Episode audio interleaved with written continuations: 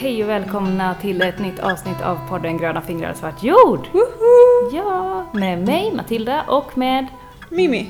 Woho! Yay! Ja, Helt eh, sommartrötta. så Jag säger alltid att jag är trött. trött känns det som i början på de här poddavsnittet. Men det kanske är bara för att man är Ehm, trött. Ja. är livet. Ursäkta om vi låter sövande men liksom. Vi har små barn hemma, då är det så. Mm. Eh, Så ja, det får man leva med. Ja men det får man leva. Mm. Vi börjar med att köra lite reklam. Ja. Helsponsrat? Nej, inte alls. Vi är inte alls sponsrade i den här podden. Sponsrade av oss själva? Ja, och på det sättet gör vi reklam för våra egna kurser. Eh, Vi har ju en kurs på Sommenbygdens folkhögskola som drar igång alldeles, alldeles strax. Som heter Jorden och maten, grunden vi står på.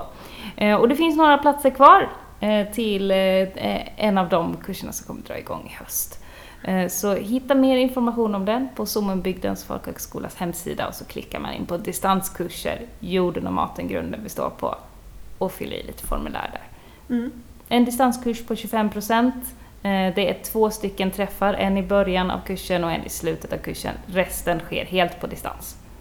Väldigt smidigt. Upplagd för att man ska kunna syssla med annat vid sidan om. Heltidsarbete eller studier eller skiftarbete eller ja Mm. men du vet. Precis. Det ska mer vara inspirationskick kanske Mm. än eh, några tråkiga tvång och måsten. Mm. Eh, Men vi har ju också en till kurs där till hösten, eh, eller vintern, senhösten, vintern, som också heter Jorden och maten, men den heter med tillägget Helhet och hälsa. Ja. Och den kan man också kika på om man är nyfiken och känner att man har grunderna i odlingen Mm. redan. För grunden vi står på är liksom grundkursen. Där får man reda på lite mer om olika skadedjur och växtfamiljer och odlingshistoria och lite mer, ja, och praktisk odling. Hur gör man för att starta upp? Vad finns det för olika typer av odling? Och lite nybörjartips och sånt där. Eh, medan den andra då, helhet och hälsa, mer ska gå in på, på djupet och fokusera på din egen plats. Och, ja, den är liksom en påbyggnad kan man säga på första kursen eller en påbyggnad på den kunskapen som du redan har. Mm, precis. Mm. Asbra tillfälle för att träffa likasinnade. Jag vet att de som gick, några av de som gick jorden och maten-kursen i våras fortfarande hänger ihop och pratar med varandra och åker runt och träffar varandra och sådana saker. Så himla mysigt. Ja, jättemysigt och jag tycker det är jäkligt härligt. För en av dem hörde av sig till mig liksom sådär, lite i efterhand nu eh, Mm. och tackade lite för att man liksom hittar, trots att de aldrig har träffats egentligen, så har de ändå kanske sprungit på varandra, eh, lite så här, eller sprungit på, sprungit på, men man börjar följa varandra på sociala medier och så kanske det händer så att man dyker upp någonstans. Och då känner man liksom varandra fast man ändå aldrig har träffats. Mm. Och så har man hittat någon eller några som har de här gemensamma brännpunkterna eller intresset och sådär. Mm. Ehm, Ja, men ett, ett sammanhang. Många pratar ju om det sammanhanget som man kan hitta. Liksom. Mm. Jag tycker det är en av de största fördelarna med att gå kurser på folkhögskola. Det är att hitta andra eh, vuxna människor som man delar ett intresse med. För det är inte så jäkla lätt. Nej, det är jättesvårt. Mm. Och det är ju det som skiljer, tycker jag, folkhögskola mot högskolorna. Att Mm. folkhögskola är ju mer samtalet, mötena, Mm. eh, det personliga på ett annat sätt. Eh, Medan högskolorna är lite mer Lite mer prestige, lite mer tvång. Det är en hel del människor som kan gå kurser där bara för att samla poängen. Mm. bara för att kunna få läsa någonting annat sen och sådär. Mm. Ehm, så folkhögskola är liksom gemensamhetsskapande på det sättet. Mm. Asmysigt. Ja, så sök den. Mm. Eller dem. Någon av dem. Mm. Eller båda två, det kan man göra. Det kan man göra För faktiskt. grundkursen är slut lagom till, till den andra kursen börjar. Mm. Yes. Mm. Kolla på Sommenbygdens folkhögskolas hemsida så hittar ni det under fliken distanskurser. Precis. Slut på reklam. Mm, slut på reklam.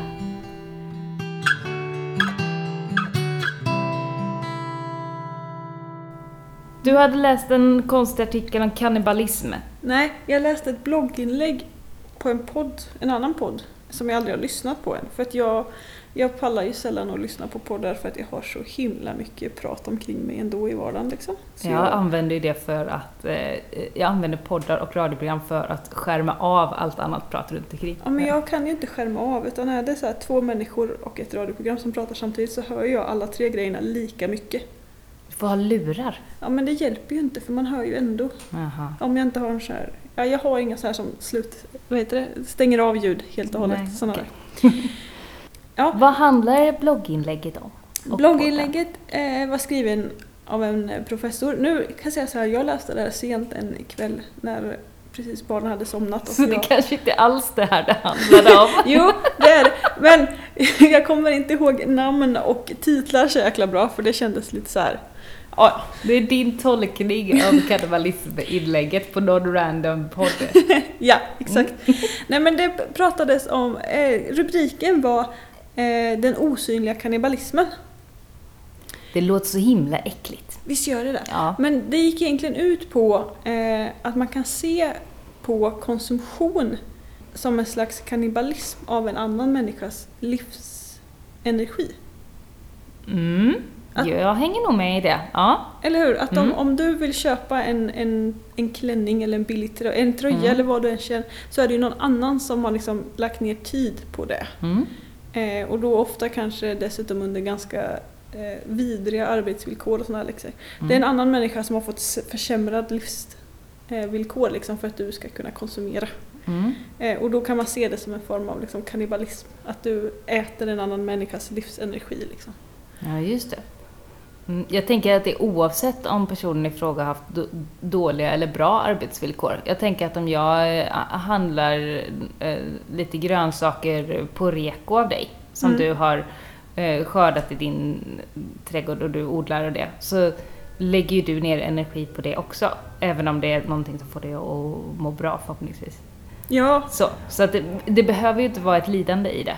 Men, men att man äter av någon annans livsenergi, eh, eller konsumerar någon annans livsenergi, det, det köper jag. ja. Helt och fullt. och jag Mm. tycker det är ett ganska intressant sätt att, att börja se det på egentligen. Mm. Sen kan jag tycka att om, om vi tar grönsaksgrejen som exempel Mm. så ger det mig energi att odla grönsaker, vilket det gör. Mm. Så kannibalerar du inte. Du kanske liksom, du köper ju tjänsten på mer schyssta villkor då. Kontra om jag Mm. hatade att rensa ogräs Mm. och tvingades sälja grönsakerna för att överleva. Mm. Ja, jo, ja. Att det blir inte riktigt samma negativa grej. Liksom. Nej, det blir inte lika negativt blir det inte. Men, Men- du lägger men- ändå ner en energi på det. Ja men det gör jag, Ja. alltid. Mm. Eh, och då tänker jag också på så här. Eh, ja, men människor som tycker att det är så smidigt att åka till affären istället för att odla sin egen mat till exempel. Mm. Att det är många människor, om man liksom börjar tänka på att allting man själv väljer att inte göra Mm. utan köpa in Mm. i form av tjänster eller material istället. Mm. Eh, att det alltid liksom har ätit av någon annans livsenergi eller möjlighet till återhämtning Mm. eller familjetid eller liksom Mm. Eh, hobbytid eller vad som helst liksom. Mm. Mm. Ehm, så tänker jag att det, det kanske lägger an en... eh, det- Dels så blir det ju en helt annan dimension, eller lägger till en dimension. Bortsett från det här liksom miljö, rädda naturen liksom biten, Mm. så blir det liksom närmare på ett sätt för vi har alla en relation till människor. Mm. Men också att, eh, att det kanske blir mer förståeligt eller liksom hanterbart eller liksom brännande på något sätt för att man själv jag tänker att människor som köper in väldigt mycket varor och tjänster gör det ju för att de vill ha ett bekvämt liv där de inte behöver anstränga sig utan de bara kan glida lite alla så här Wall-E-stil. Ja. Och då om man liksom börjar fundera kring hur, hur ens egen bekväma livsstil gör att någon annan får en mindre bekväm livsstil så kanske den egna bekväma livsstilen börjar skava på ett ytterligare ett sätt, eller ett Mm. annat sätt. Just det. Mm. Eh, och att, det, att se, Att den bekväma livsstilen får konsekvenser liksom. ja precis, I att här, moralen. här hänger jag i studsmattan, nej, studsmatta, här hänger jag i hängmattan och har det gött liksom. Mm. Men jag har det bara så gött för att någon annan sliter åt mig. Mm.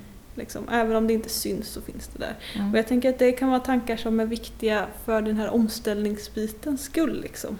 Hur menar du då? Att vi måste förstå att vi alla måste liksom sträva på ett annat sätt, tänker jag. Att det, Mm. Vi kan liksom inte ställa om samhället och samtidigt ha det jävligt glassigt på det sättet som samhället idag har lärt oss att det är att leva glassigt. Liksom. Vi kan ju fortfarande ha mycket vila och återhämtning tänker Mm. jag. Vi kan ha väldigt mycket fina, fina stunder, så här, liksom ljuva tider, mycket.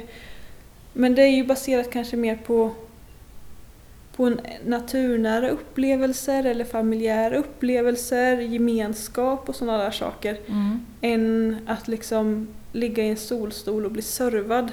Mm. Liksom, än att åka på turistresor Mm. eh, eller upplevelsegrejer och sånt. Att Mm. det kommer bli mer... Vilan och det kommer liksom hamna på ett annat... På ett icke-materialistiskt plan. Ja, och inte på ett så liksom resande och globalt plan på det sättet. Liksom. Mm. För att, eh, och vi kanske börjar se njutningen i arbetet också. Mm. Tänker jag. Eller vi, vilan i arbetet, liksom. möjligheten att, att låta tankarna flöda när man gör enkla sysslor och sådana här saker. Mm. Um, vilket i och för sig får mig att tänka nu på, på en bok jag håller på att läsa som heter Ladakh. Ladakh. Ladakh, det är ett land som ligger ganska nära Tibet. Jag tänkte det var något slags djur. Nej, Ja. det är en kvinna som heter Helena Norberg Hodge som har skrivit den. Det är en gammal bok, den översattes till svenska typ 95 eller Alltså sånt där. finns det här landet? Ja, Ladakh? det finns. Okej, mm, det är Det ett finns. riktigt land. Det är ett Mm. riktigt land. Mm. Det är en reportagebok. Mm. Ehm, Den här kvinnan studerade antropologi Mm. Och reste till Ladakh för att det var en av världens kargaste och fattigaste länder men också det land där folk var som lyckligast. Oj, Mm. spännande. Ja, det är jättespännande. Det är den här Ja. liksom, en eh, bok som kritiserar den här mätningen av BNP. Ja, just det. Mm. Så, för att du, du har ju, kan ju ha skyhögt BNP, eller BNP ökas ju på av att du gör dåliga grejer. Ja. Det tar ju inte hänsyn till, till liksom hur ekonomin främjas, Nej. utan bara att den ska främjas. Ja. Det är verkligen så tillväxtens absoluta Mm. yttersta spets. Ehm, men hon reste dit och studerade människor och bodde hos människor och hängde där väldigt, väldigt mycket. Mm. Och gjorde det under väldigt många år, under liksom, i flera perioder. Så den här boken följer när hon var där först på typ 70-talet tror jag. Mm. Eh, och sen hur liksom den västerländska, den västerländska samhället liksom eh, pressas in i landet för att den måste ju moderniseras. De Mhm. måste ju upp i standard och du vet. Ja, De kan ju inte ha sina grusvägar, det måste ju asfalteras. Mm. Och, Lite Lort-Sverige-rensning höll jag på att säga, Ja. fast Ladakh. Ja men det är liksom helt plötsligt så skulle de liksom in där och hur det och hon liksom beskriver hur kulturen var innan, Mm. hur den förändras när det här liksom kommer in. Eh, och folk börjar se ner på sin egen kultur. Och det här är ju en förvandling som i stort sett alla länder har gått igenom. Mm. Eh, när europeer har liksom rest runt och koloniserat land efter land efter Mm. land under flera Mm. århundraden. Och också så beskriver hon liksom hur det är nu, eller Mm. hur det var, ja, nu, nu ska vi säga, boken är ju ändå 15-20 år gammal liksom, så Mm. hur det var. Ja. Eh, och liksom hur, hur, hon följer några människor liksom, så man ser hur de liksom hur deras liv försämras materiellt sett höjs liksom Mm. allting, det blir bättre. De får... ehm, eller jag vet egentligen inte om det höjs materiellt heller, men med våra mått mätt eller Mm. vad liksom, så gör det ju det. Mm. Eh, men med deras mått mätt, så gör, eller med, liksom några, med andra glasögon på sig så blir det ju bara sämre och sämre och sämre och sämre. För Mm. de går liksom från sin anpassade kost till att helt plötsligt bara käka importerat ris. Mm. Alltså så här, precis som vi. Mm. Ehm, och det är en bok som man blir ganska upprörd över. Fast, och ledsen skulle jag vilja säga. Mm. Den sätter verkligen fingret på hur vi har... ehm, eller hur, vi, hur, hur någon från början liksom började se ner på allting som var naturnära och relationsbundet och platsbundet och anpassat och sådana här saker. Liksom. Men jag, jag funderar på det där. Alltså, jag har inte läst den boken, men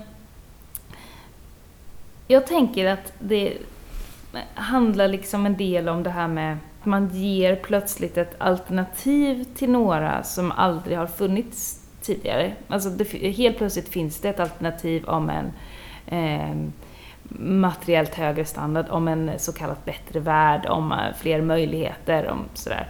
Eh, har man levt i ett sammanhang där man liksom, ja men nu lever vi så här som mina föräldrar har gjort och som vi alltid har gjort och så, så här, och det har funkat och det är bra. Eh, och man har liksom ingen annan världsbild så kan man kanske vara nöjd med det. Eh, eller inte. Det, jag vill liksom så här, den här fina bilden av att ja, men nu, nu, har, nu lever vi inom våra egna ramar, inom liksom, det som funkar och det som alltid har funkat. Trivs alla alltid i det? Jag tänker att jag, jag, vill, alltså vi, jag vill ju absolut att vi måste hålla oss inom plane, planetens gränser. Det måste vi ju göra.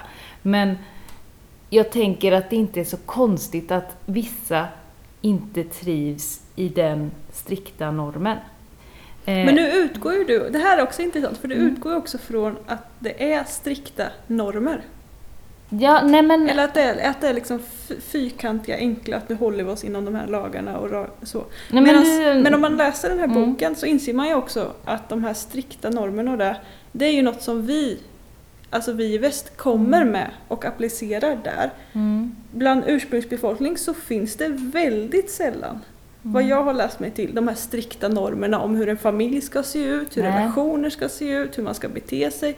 Och att det finns en helt annan så grundtrygghet i människor och en helt annan liksom, eh, förståelse eller liksom acceptans som gör att folk kan sticka ut åt alla möjliga håll och kanter Ja.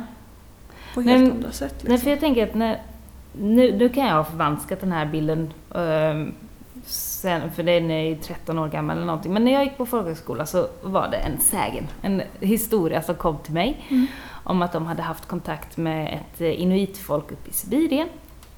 Den här folkhögskolan hade, ehm, hade liksom inriktning mot forntida hantverk och sådär och så hade det kommit jag vet inte om de hade kommit dit eller om de... Äh, skitsamma, de hade mötts i alla fall, det här inuitfolket som bara levde där uppe i, på isen och åt säl, typ. De, så här, det var det enda de gjorde, de hade ingen kontakt med omvärlden. Så har det alltid varit, liksom. Ehm, och när de kom då till civilisationen så hade de med sig en liten flicka och hon ville så gärna ha en Barbie-docka, en plastdocka med sig hem. Och någon annan i den här eh, gruppen ville ha en radio som gick på batterier för att ha med sig upp dit. Och tänkte, men den här, så kan vi ge det här till dem? Nu sabbar vi ju deras slutna kretslopp. De har inga avfall, de har ing- men den här plastdockan, det här, de här batterierna, var kommer de hamna? De kommer ta slut. De, här, nu slänger vi in någonting som inte hör till deras kretslopp i deras grupp. Men de har sett hur vi har det. Och nu vill de också ha det. Eller en liten del av det.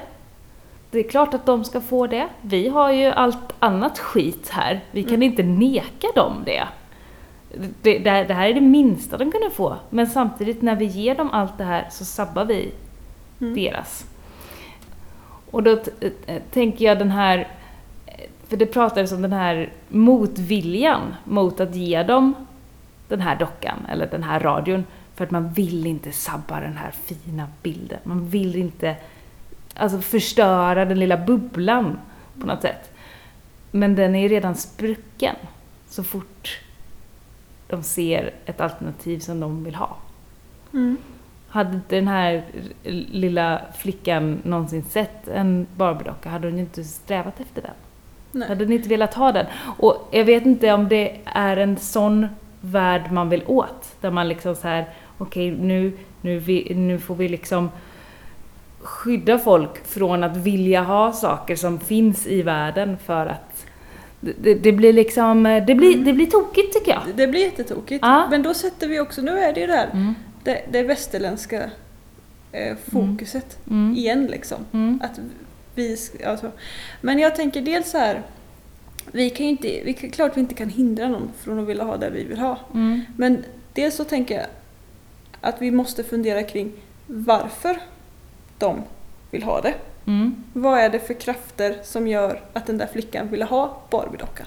Trots att hon aldrig någonsin hade haft ett behov av den innan hon såg den. Mm. Vad spelar eh, liksom eh, marknadsföringen olika För henne spelar det säkert ingen roll, tänker jag. För hon har aldrig varit utsatt för marknadsföring. Hon har Fast sett en rosa han- glittrig Ja, docka. Den är Precis. rosa och glittrig. Ja, Så. Precis, Men det är inte att det är en Barbie eller det är en sån eller det Nej, är en utan den. det, det är liksom en uppenbarelse på ett annat sätt. För Ja. att dockan är skapad som en uppenbarelse Ja. för att den ska sälja. Ja. Det är ju liksom marknadsföring är inte bara reklamkampanjerna, det är ju utformningen från Mm. minsta detalj och framåt. Liksom. Mm.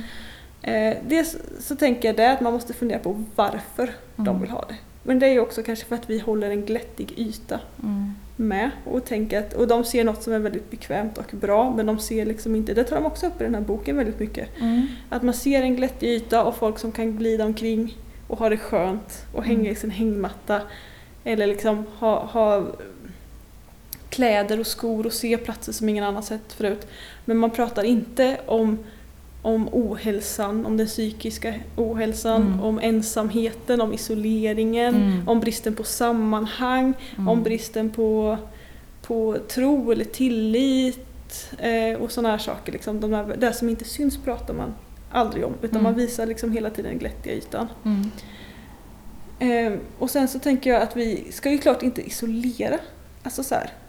Utan vad vi behöver göra när man, när man upptäcker så här folk eller man stöter på människor som liksom inte har det vi har. Det är ju att se vad de har och inspireras. Det är ju inte de som ska ändras efter oss. Det är ju Mm. vi som ska följa dem. Mm. Tänker jag. Att vi, vi ska varken så här, vi ska liksom inte låsa in dem i sin bubbla och ha dem som jävla utställningsexemplar. Nej. Det är ju helt befängt. Ja. Utan vi måste istället titta på vad är det som, hur lyckas de ha ett, ett helt samhälle utan att slänga bort en enda sak? Mm. Att allting bara, det är precis likadant i Ladakh och det är väl så generellt sen tänker jag bland ursprungsbefolkningen att man återanvänder allt, du har inget avfall. Mm. Hur lyckas de med det? Mm. Liksom? Mm. Och då, då behöver ju vi titta på det och se vad vi måste förändra. Inte vad de behöver liksom lägga till utan vad vi behöver kanske skala bort Ja. istället. Ja, precis. Se det som inspirations...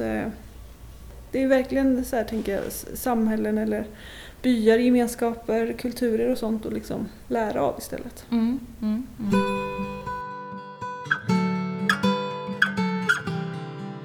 På, på tal om att liksom ta det som finns, så där, Mm. om man tänker på just eh, hälsa och sjukvård och sådana här saker. Ehm, eh, när man går tillbaka till typ dina inuiter du pratade om, eller Mm. folket i Ladakh som jag pratade om och så. Mm. Att sjukdomar är liksom på ett sätt typ obefintligt. Mm. Mycket, eller många av de sjukdomarna som vi har i alla fall. Och Man träffar inte folk. man träffar inte folk, men man bryter heller kanske inte benet så ofta. Du får liksom inte diskbråck och sådana saker. Mm. Att sådana sjukdomar liksom inte existerar, eller existerar klart de gör, men inte alls i samma utsträckning. Liksom. Mm. Vi är ju fruktansvärt sjuka människor. Mm. Ja. Alltså så, det är ju, och då tänker jag också ytterligare säga att det är något som liksom är ganska eh, fel i samhället. Men, ja. När vi blir så, inte bara för att vi lever längre, alltså det har ju också att göra med att vi Jag blir tänker sjuka. också att vi har liksom eh, sabbat bort det naturliga urvalet lite grann. Jag, jag tänker att... Alltså, ja, spädbarnsdödligheten är till exempel betydligt högre. Ja, och mödradödligheten måste ju säkert också... Jag tänker att jag hade inte överlevt min första förlossning om inte jag hade haft, varit på sjukhus till exempel. Nej. Så det, det, jag är ganska tacksam över att inte bo i djungeln. Eller så. Ja. Och jag tänker också att det kan vara många, om man ska gå in på förlossningar och sånt, Mm. att det kan vara många förlossningar som blir betydligt mindre traumatiserade eller traumatiska eh, av att ha en mer naturlig syn och Alltså så att man har en annan tilltro till sin kropp och att man inte är så stressad under situationen och sånt. Du får inte, förf- du får Mm. inte eh, förflytta ston med, eller så här djur. Mm. Liksom, kor och, och sånt där som är dräktiga eller, och hästar och sånt får du inte flytta sju veckor innan Ja. förlossningen. Men du får köra en människa sju minuter innan ungen kommer ut. Ja, I en bil, i en stressad bil liksom. Mm. Med en partner bredvid som inte vet var de ska ta vägen. Och sådär. Det är helt okej, Mm. men du får inte göra så med andra djur. Ja. Alltså fundera på vad den stressen och osäkerheten om att förflyttas eh, Eh, kan, och dessutom ja. inte veta ens om man får plats. Alltså hela den här biten med, kommer det vara fullbelagt? Kommer vi bli skickade vidare? Kommer vi få föda i korridorerna? Kommer vi få liksom stanna vid vägen? Alltså Mm. fatta vad de stressgrejerna gör och sabbar. Ja, kanske. Ja, jo, men Alltså för, det- vissa, för vissa gör de nog det. För mig hade det inte med det att göra. Eller så, men det... Fast det är inte Ja. säkert att vi vet det heller. Ja. Vi, kan ju, vi vet ju inte. Och det här Jag var liksom, jättetrygg med att föda på sjukhus. Jag hade varit Ja. jätteotrygg med att föda någon annanstans tror jag. Ja, och det Så. är ju många som är också. Och det är, liksom, det är klart man, om man ska föda, vill föda på sjukhus så är det klart man ska göra det. Mm. Men det är också alltså, att fundera kring varför känner vi att vi Mm. måste föda bland okända människor i skarpt upplysta rum eller kanske dimmade rum om vi är på ett modernt sjukhus. Eh, att det är den bästa platsen att föda på. Var kommer det ifrån egentligen? När, när, vi- när vi liksom i, i, Förr visst spa- spädbar- barn- spädbarnsdödligheten var betydligt högre förr. Mm. Eh, men det är ju inte liksom alltid för att man födde hemma Nej. Utan för att man inte hade den medici- medicinska kunskapen Ja, inom och, det rimliga och avståndet då som vi har tänker jag idag. att det, det är en väldigt stor del till varför många vill vara på sjukhus, för där finns den medicinska kunskapen Ja, idag. Att det är liksom man vill vara bland proffs när man, när man går igenom någonting som är så nära livet och så nära döden Mm. på en och samma gång. Då vill man vara med dem som har mest utbildning och mest kunskap och mest erfarenhet av den här typen av situationer. Och att det Mm. känns väldigt tryggt att vara bland utbildat folk. Så, Mm. På Men ställen man där man också ha har nära till att om något går fel så fixar de det. Mm. Istället för att veta, okej, om någonting går fel, då är jag jävligt illa ute. Så. Mm. Men idag tänker jag att man inte är så jävligt illa ute för att det, vi har en ändå ganska okej fungerande sjukvård. Liksom. Ja. Och att du kan i stort sett få hjälp ganska omgående från många håll. ja. Jag tänker det här med liksom, barnmorskor kan ju, kan ju lika gärna komma hem till ditt hem, till en Mm. trygg miljö istället för att du ska åka in i sista sekunden. Liksom. Ja. För att de bara, ja men nu finns det plats, nu kan du komma hit. Typ. ja. Eh, så kan egentligen, om man hade ett annat sjukvårdssystem så skulle du lika gärna kunna ha typ en doula och en, en barnmorska hemma hos dig. Liksom. ja. Jag höll ju på att förblöda. Så att det var Ja, liksom så här, ja, då du finns är- det ju inte så här, ja, då har, Nej. man har inte så lång tid på sig Nej, men då är det så här, då. Så. men om du hade varit i en Mm. miljö, en, om vi hade haft en annan syn på det här, Ja. om man hade varit i en miljö där din kropp, alltså inte psyket Mm. utan kroppen hade varit på ett helt annat plan, Mm. så kanske inte den händelsen hade uppstått överhuvudtaget. Man Mm. vet ju inte det. Det vet man inte. Eftersom man till exempel inte får flytta djur Mm. för att riskerna för att förblödning, skador och sånt uppstår. Liksom, eller dödfödda ungar och sånt där Mm. uppstår ju just i förflyttningarna. Mm. Så får du inte flytta djur. Mm. Men du får förflytta människor in Mm. i den. Alltså så pass att du till och med föder i bilen. Mm. Alltså, hur, det är lite så här, det kan vara så här hönan och ägget grej, jag vet inte. Men jag tänker att det kan vara... Vi är ju inte hästar heller.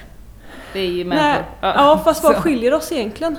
Ja, ganska mycket. Nej, ja, fast egentligen. Hovar, händer, Ja fast nu, nu förlöjligar ju du bara och skämtar bort här. Ja. För egentligen, varför, vi är, in, vi är djur. Ja, fast vi är inte vilket djur som helst.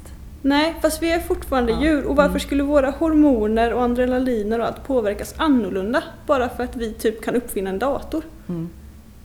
Ja, ja, jag, jag är inte övertygad. Nej, jag vet Faktiskt. inte. Ja, Men mm. jag tänker också att vi ska liksom inte, vi, är, vi ska inte ställa oss över Nej. djuren och tro att vi fungerar på ett helt annat Nej men jag sätt. tror också, alltså är man, eh, eh, nu, ska vi, nu ska jag försöka sätta mig in i det här att vara en häst. Ja. eh, och då tänker jag att då kommer det någon av en annan djurart som jag inte kan kommunicera med, ställer in mig i ett litet rum och börjar, som börjar skaka och jag vet inte vad som händer. Mm. Läskigt. Men om jag är människa och ens partner säger nu ska vi åka till det här plats. sjukhuset där du ska få hjälp och jag vet om det, har vetat om det länge. Det är inte farligt. Jag är van vid att åka bil. Det blir inte en skrämmande upplevelse. Det blir det kanske om jag var en häst. Ja, men, Men det det, det, är ju inte det om fortfarande jag är människa. det, att du kan vara... För jag är van vid att åka bil. Jag Ja. vet vad som händer, jag vet vart jag ska, jag vet att det kommer till, till något bra. Det vet inte hästen. Nej. Och det Men- är kanske därför man har en sån regel. Mm, men jag tänker Mm. också att nu ser du, tänker du också att, att den, liksom, den delen av människohjärnan som kan tänka så, att den är liksom styr över allting. Alltså så att ba- bara för att du kan tänka det här i klarhet Ja. så påverkas liksom inte resten av din kropp av det som händer runt omkring. Och jag tänker ju Mm. mer att även om jag kan liksom rent logiskt eller så här förstå så är det ju Mm. inte säkert att min andra, alltså reptilhjärnan och Mm. hormonsystem och sånt fattar det här även om jag liksom kan tänka de tankarna Mm. också. Det är som att eh, typ, om du har en fobi liksom, och du vet att orm, en plastorm, den är inte farlig, så reagerar, reagerar du ändå. Mm. Och jag tänker att det här, sådana här saker är på lite samma sätt. Att du kan tänka Mm. liksom rent logiskt att det är inget, du vet att det är tryggt, det är lugnt och sånt. Mm. Men ändå så reagerar någonting annat i dig som Mm. säger att det här är inte lugnt och tryggt, det här är inte naturligt, det här är inte bra, det är någonting som Mm. är vajsing. Liksom. Med, och med många saker. Liksom. Mm. Inte, nu, nu är vi fokus på, på förlossningar och så. Mm. Men, det var, ja. Mm. men jag tänker ändå att det finns eh, många sådana situationer. Där vi liksom Mm. tänker att det är chill, det är lugnt, vi mår bra av det här för att vi liksom rent logiskt kan så väga för och emot. För och emot som förvisso också är påverkade av business as usual-samhället och vad Mm. som är bra där och emot där. Mm. Eh, men att vår kropp och vårt psyke reagerar ju på ett djupare plan på ett annat sätt. Liksom. Mm. Och där har vi kanske en del i att folk typ mår som de mår idag. I mångt och mycket liksom. Ja, kanske.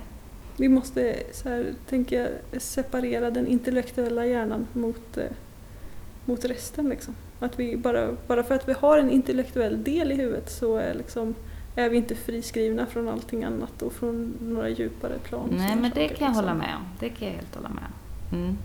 Utan att det finns ju kvar det där. Liksom. Mm. Typ eh, ja, men en sån här grej att du... Att om du ligger på sjukhus så kommer du bli frisk snabbare om du blickar ut över ett grönområde kontra om du inte gör det. Mm. Det tror jag absolut spelar roll. Mm. Mm. Och det tänker jag att det är så här, intellektuellt så borde det inte spela någon roll för operationen eller medicineringen du får är precis samma sak. Mm. Men du reagerar liksom, kroppen reagerar på ett djupare plan. Mm. På ett sätt som inte går att förklara. Mm. där. Och jag tänker att det är så med väldigt, väldigt, väldigt allt. Mm. Vi kan säga allt istället. Ja, jag kommer ihåg när, jag, när vi första, mitt första barn föddes och de skjutsade iväg mig till operationen. Och då såg jag, alltså det var på eftermiddagen, så då em, såg jag liksom eh, när vi, de sprang där i korridorerna med mig på någon säng. Eh, så åkte vi förbi något fönster och jag såg en klar blå himmel och det här var i mars, början av mars. Så det, var inte så ofta, det är ju inte så ofta som det är klarblå himmel då. Och jag minns att jag tänkte, men det är en fin dag att dö på i alla fall. Så, så, så himla deppigt. Jag klarade mig. Det var liksom inget så, ingen, alltså, hade jag inte fått hjälp hade det inte funkat, men jag fick hjälp så det var liksom ingen panik så. Det var en standardgrej för dem. Men bara att man tänker så. Liksom. Mm. Att det här kommer, och när jag åkte hem sen tillsammans med min lilla son och min man och vi kom upp för krönet liksom precis innan man skulle svänga ner i gropen där vi har vårt hus. Då tänkte jag, ja, men, tänk om han hade, tänk om de hade åkt här själva nu. Mm. För min son skulle ha klarat sig men inte jag. Mm. Ja, så, så kan det vara. Så kan det också Ja, vara. så då Det- tänker jag att jag har, det här är lånad tid. Det här är extra tid. Nu fick jag en chans till. Och det är väl schysst? Mm. Ja. Får ta tillvara på den. Mm. Ja. Det får du göra. Ja, så gott det går. Så gott det går. Plocka mycket hallon. Och äta dem med... Med all mask i. Nej, nej. Det är, det är inte så my- Alltså, det är väldigt lite mask i hallonen i år. Tycker jag. En. Än så länge. Ja. Det tar en stund innan de växer till Ja, sig så så- de blir synliga för de ligger redan i blommorna. Det är gott. Ja, jag vet. Jag, vet. Ja, jag, käk, jag käkar ju kött så för mig spelar det ingen roll egentligen om jag käkar mask också. Liksom. Hallon är bästa bäret. Ja, Helt klart bästa bäret. Mm. Så det, jag ser fram emot i helgen att gå ut och plocka massa hallon. Det ska jag göra.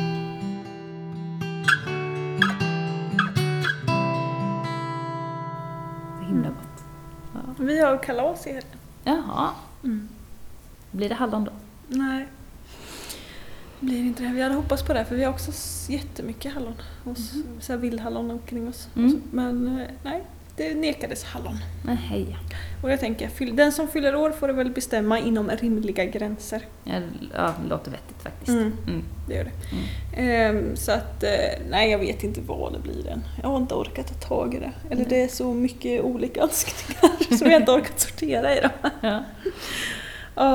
Ja, bara den grejen liksom. Vadå? Jag, jag, jag funderar på så här, när jag var liten så tror jag att jag ändå var så här, ganska nöjd över att få en, en tårta liksom.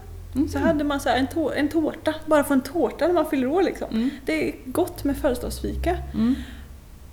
Men mina barn är lite mer så här, jag vill ha den där.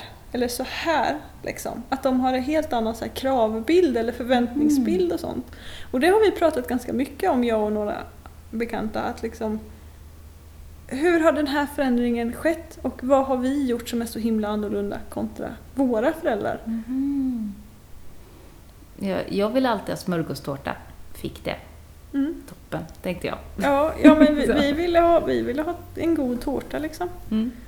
Fick det. Det var jättebra Mm. också. Men nu är det så här, om den, inte, den där goda tårtan inte liksom är specifik på ett speciellt sätt med de Mm. absoluta favoritgrejerna eller något, så blir det liksom en besvikelse.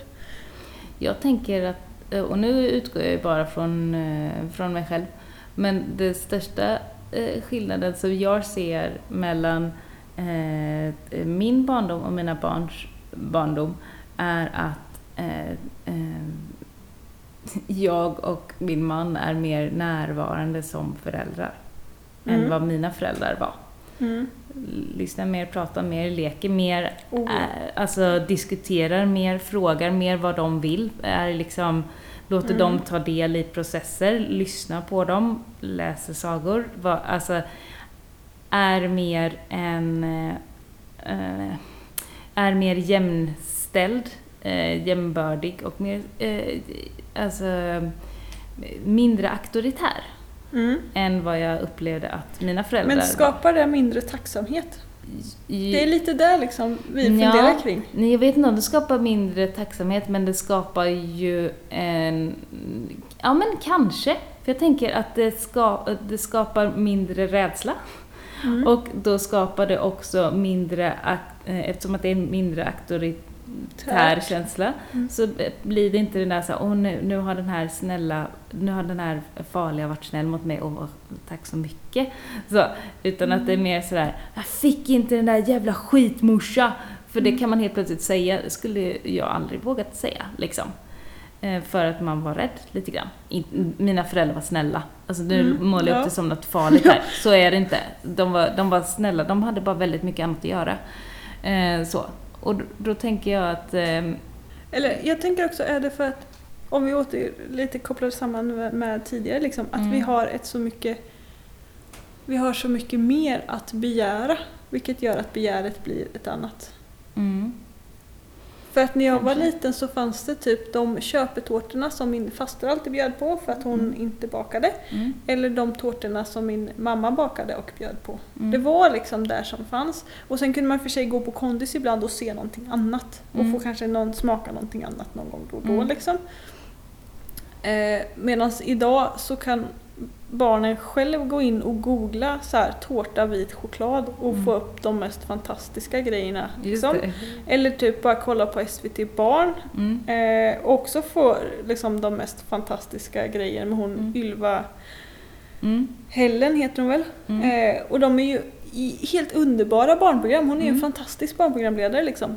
Men svår att leva upp till. Men svår att leva upp till. Ja. Och barnen får ju liksom bilder av vad de vill ha då. Mm. Och det kanske också där någonstans det kommer. Ja, men är För jag det. menar när jag var liten så barnprogrammen som innehöll mat då, de gick ju ut på han, den där snubben som eh, någonting kafferast eller något hette det. Han gick och hällde fil i en lång Ja, och gjorde så här berättelser med kryddor och grejer. Tänk att det kunde vara ett barnprogram. Ja, och det, det är liksom, det var min, det är min så här, historia av barnprogram med mat. Man Mina blev barns... inte direkt sugen, blev man ju inte. Nej, jag kommer bara ihåg att han gjorde en historia för att jag är riddare också. Jaha. Eh, Medan mina barns, liksom, det är så här unicorn-tårtor med regnbågsfärger och godisgömmer. Och liksom hur crazy, så här, rymdtårtor som ser liksom helt fab ut. Mm. Lycka till det. Ja, nej, jag försöker inte Det ens. var imorgon det var kalas va? Ja, jo. Ja. Ja, men det, det kanske liksom är lite det att det, man, de har liksom, man är missnöjdare för att det är så mycket För mer att man har att sett begära. alternativet. Ja. Ja, fast jag är inte säker på att du, du blir ju inte en lyckligare människa för att du ser alternativen. Nej, det det Missnöje ja. driver ju inte lycka Nej, nej för fem öre. Mm. Det är tvärtom. Mm. Det är väl ett jättetydligt tecken på att man liksom kommer få ett amme när man Mm. visar upp någon asgod hembakad tårta istället för någon glittrig unicorn universum-tårta. Liksom. Mm. Eh, och då tänker jag att det liksom, generellt sett blir vi mindre tillfreds. Så, för, just för att vi ser så många alternativ. Mm. Och Mm. att det då kanske egentligen det, är det sundaste du kan göra kanske bara är att isolera sig i en bubbla. Ja, eller ja, för det, det är det där med att Alltså man vill ju gärna ha den där unicorn-tårtan, men när man vet konsekvenserna av det, eller liksom ser allting, alltså det kanske inte är tårtan, är inte det bästa exemplet, men alltså eh, bara på ytan vill jag också ha ett eh, lyxhus och kunna resa jorden runt och bara, ah, om det bara var det. Men jag vill inte ha utsläppen och jag vill inte ha liksom det och det och det och det. Fick man bara det positiva, då så absolut, men när man ser det negativa också, då vill man inte ha det. Fast jag vet inte, jag, jag vill inte ha, nej, jag vill inte ha lyxhuset och de här grejerna liksom. Mm. Även om det är på ytan. Mm. Jag tänker att det är så här skittråkigt att gå omkring i värsta fetinghuset som är helt opersonligt och allt automatiserat liksom. Mm. Att det, det kommer, mitt liv kommer sakna mening och innehåll. Mm. Så. Men att, eh, att det inte är så att bilderna av det målas upp och därför så kanske det är det. Nu känns det som jag skryter över mig själv här, det är inte så jag menar men att det kanske ändå man måste liksom ha kommit till en viss punkt där man liksom ser att det där lyxen inte medför någonting positivt. Mm. Att det finns en brytpunkt någonstans där man liksom känner att nej, Mm. nej. Men känner du att du omdefinierar lyxen? Mm. Är lyx något annat nu? Mm. Än vad Jag tycker varje dag är lyx? skitlyxigt just nu för jag får äta stekt zucchini. Oh, Jag tycker det är as. Alltså det äter man inte året runt liksom. nej. Och det är så Det är jävla fint. gott. Ja. Är det ju. Så jag känner att varje dag är liksom lyxig för jag får äta det. Ja men, att, ja men det är klart lyxen omdefinieras liksom. Mm. Och jag tänker att det är en jävla lyx att få jobba med det. Eh, med det jag tycker är roligt. Mm. Och som sporrar mig. Det är en Mm. jävla lyx. Det är det. Eh, och det är också en jäkla lyx att få liksom träffa människor och jobba med människor. Mm. Ehm, Det är en lyx och ett helvete på samma gång, ska jag säga. oh, oh, oh ja. Ja. Mm. Oh ja. men att, att träffas, alltså jag tänker inte, inte så här jobba Jo men att arbeta gemensamt med människor är väl generellt sett ändå en jävla lyx tänker jag. Alla att träffa människor Mm. med så. Men ehm, ja, jag tänker lyx för mig jag tänker att lyx ändå nog, den yttersta lyxen måste väl bara vara att känna sig liksom tillfreds på något sätt. Mm. I nuet liksom. Inte så här att inte jaga utan bara liksom Det låter fint. Ja, sen kan jag inte säga att jag är där för det. Mm. Men jag tror att den yttersta lyxen är liksom ändå att bara vara tillfreds. Det låter fint. Vi du? stanna där? Ja. Du vill inte säga vad du tänker är lyxen. Jaha, vad jag tycker är lyx. Annars kan stanna. Nej men jag tyckte det var fint det du sa. En eh, riktigt stor majonnäsmacka. Nej. Nej. Nu skämtar där bort allting så fort det blir lite djupt allvarligt. Nej men jag, jag vet inte vad som är riktigt lyx. Att få, Vet- att få bajsa i fred på toaletten, att få Mm. egen tid. Ja, Att det få, är alltså så här, ouppnåelig lyx för mig just nu. Det är att få läsa bok i ensamhet i en hängmatta. Ja, nej, men att få, Att bara få göra det. för mig är lyxen att få, de gånger som, som jag lyckas med det, det är sällan, men att jag liksom bara får grotta ner mig i mina egna skapande projekt och ingen kommer och stör mig Mm. när jag får göra det. Mm. Det är, är jätteskönt. Det är den största lyxen för mig. Då, då mår jag bra. Sitta där med mitt skapande, gärna en chokladbit bredvid. Men då tänker jag också, då är du ju tillfreds för stunden. För Ja, att du är liksom ja, men det inzoomad och Mm. arm... Då jag är i mitt lilla hål. Nu den senaste tiden för att liksom hålla mig lite mentalt skärpt i den här värmen. Eh, Så när det har blivit alldeles för varmt nu på dagarna så har jag, eh, jag har liksom ingenting som jag skapar på gång nu. Jag har mycket i huvudet men ingenting för händerna. Så då har jag börjat pussla. Just det, så fattades en bit. Ja, men det, vi har hittat den. Ja, vad skönt. Ja. Så nu har jag lagt eh, ett pussel till sen dess. Så jag har lagt ett 500 bitars, eller ett lagom ska jag säga. Mm. Så ett 500 bitars, ett 1000 bitars och nu har jag börjat på ett nytt 500 bitars på tre dygn. Så, men eh, det, det är roligt. Fattar inte du får tiden. Nej men det är för varmt, det är det. Jag orkar inte. Fattar inte du får tiden. Så himla bra att pussla är jag också. Jag är Ja, jäkligt snabb på att pussla. Mm. Något ska man vara bra på. Ja. Mm. ja. Absolut. Pussla i dåligt ljus, så himla ovärt ska jag säga Mm. också. Eh, och så måste man ha roliga motiv, annars är det inget kul. Senaste var rymden. Alltså, Mm. ja, rymdpussel. Nu är det svenska djur. Mm. Mm. Du har inte gett på något så här med typ hav och himmel? Ehm, alltså det första var ju insekter, det andra var rymden och nu var det nu är det djuren. Nej, men det är ju lite, alltså, jag tänker hav och himmel. Det Ja, kvittar liksom det antalet jobbigt. bitar. Det är jobbigt. ja det är det. Ja, men jag gillar ju sådana pussel där det händer mycket. Alltså där det är mycket färg och sånt. Mm. Gärna så är det i- Grällt, syntetiskt. Ja. Nej men eh, eh, korallrev är fint. Mm. Det är ett bra motiv, skulle jag säga. Mm. Det händer mycket. Jag letar efter ett snyggt korallrevspussel. Mm. Och en, en kompis diskuterade lite kort häromdagen på tal om färger. Mm. Eh, om den här trenden med att allting ska vara vitt och grått och sånt där. Eller den här Mm. avskalade tråkiga färgskalan vi har nu. Shabby Ja, ljust och, och Ja, kritvitt Den börjar gå över lite, men den, ja, Ja, jag jo. förstår vad du menar. Mm. Eh, att den har, liksom växte fram när man gick från naturpigment till syntetiska pigment. För de syntetiska pigmenten skär ju i ögonen. De är, Mm. Det är ju en helt annan grej liksom. Mm. Och det blir ingen harmoni utan det blir, det blir disharmoni oavsett om det Mm. bara är två färger. Liksom. Mm. Och då går du på en färg, typ Mm. vitt Mm. eller ljusgrått eller något sånt där. Mm. Eh, Medan naturfärger och naturpigmenten har ju en helt annan liksom, njutbarhet i sig. Mm. Eh, och att då kunde man liksom bre på med 15 färger i ett rum utan att det liksom blev skrikigt eller desharmoniskt. och så. De är dovare på ett... Ja, de är ju liksom mjukare för de kan ju fortfarande vara ganska färgstarka. Liksom. Mm. Jag, de kan ju fortfarande vara liksom gröngröna och Ja, och ja. gulgula Ja, men och sådär. jag tänker Men det det finns ju liksom en, något eh, annat. det, är en, eh, det är lite svarta i dem oftast. Att, eh, Ja, Att det ja liksom det i- finns något mjukare i alla Mm. fall.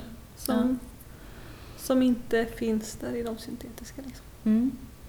Jag har ett nytt projekt på gång, apropå färg. Mm. Eh, som eh, jag började med nu när jag kom hit.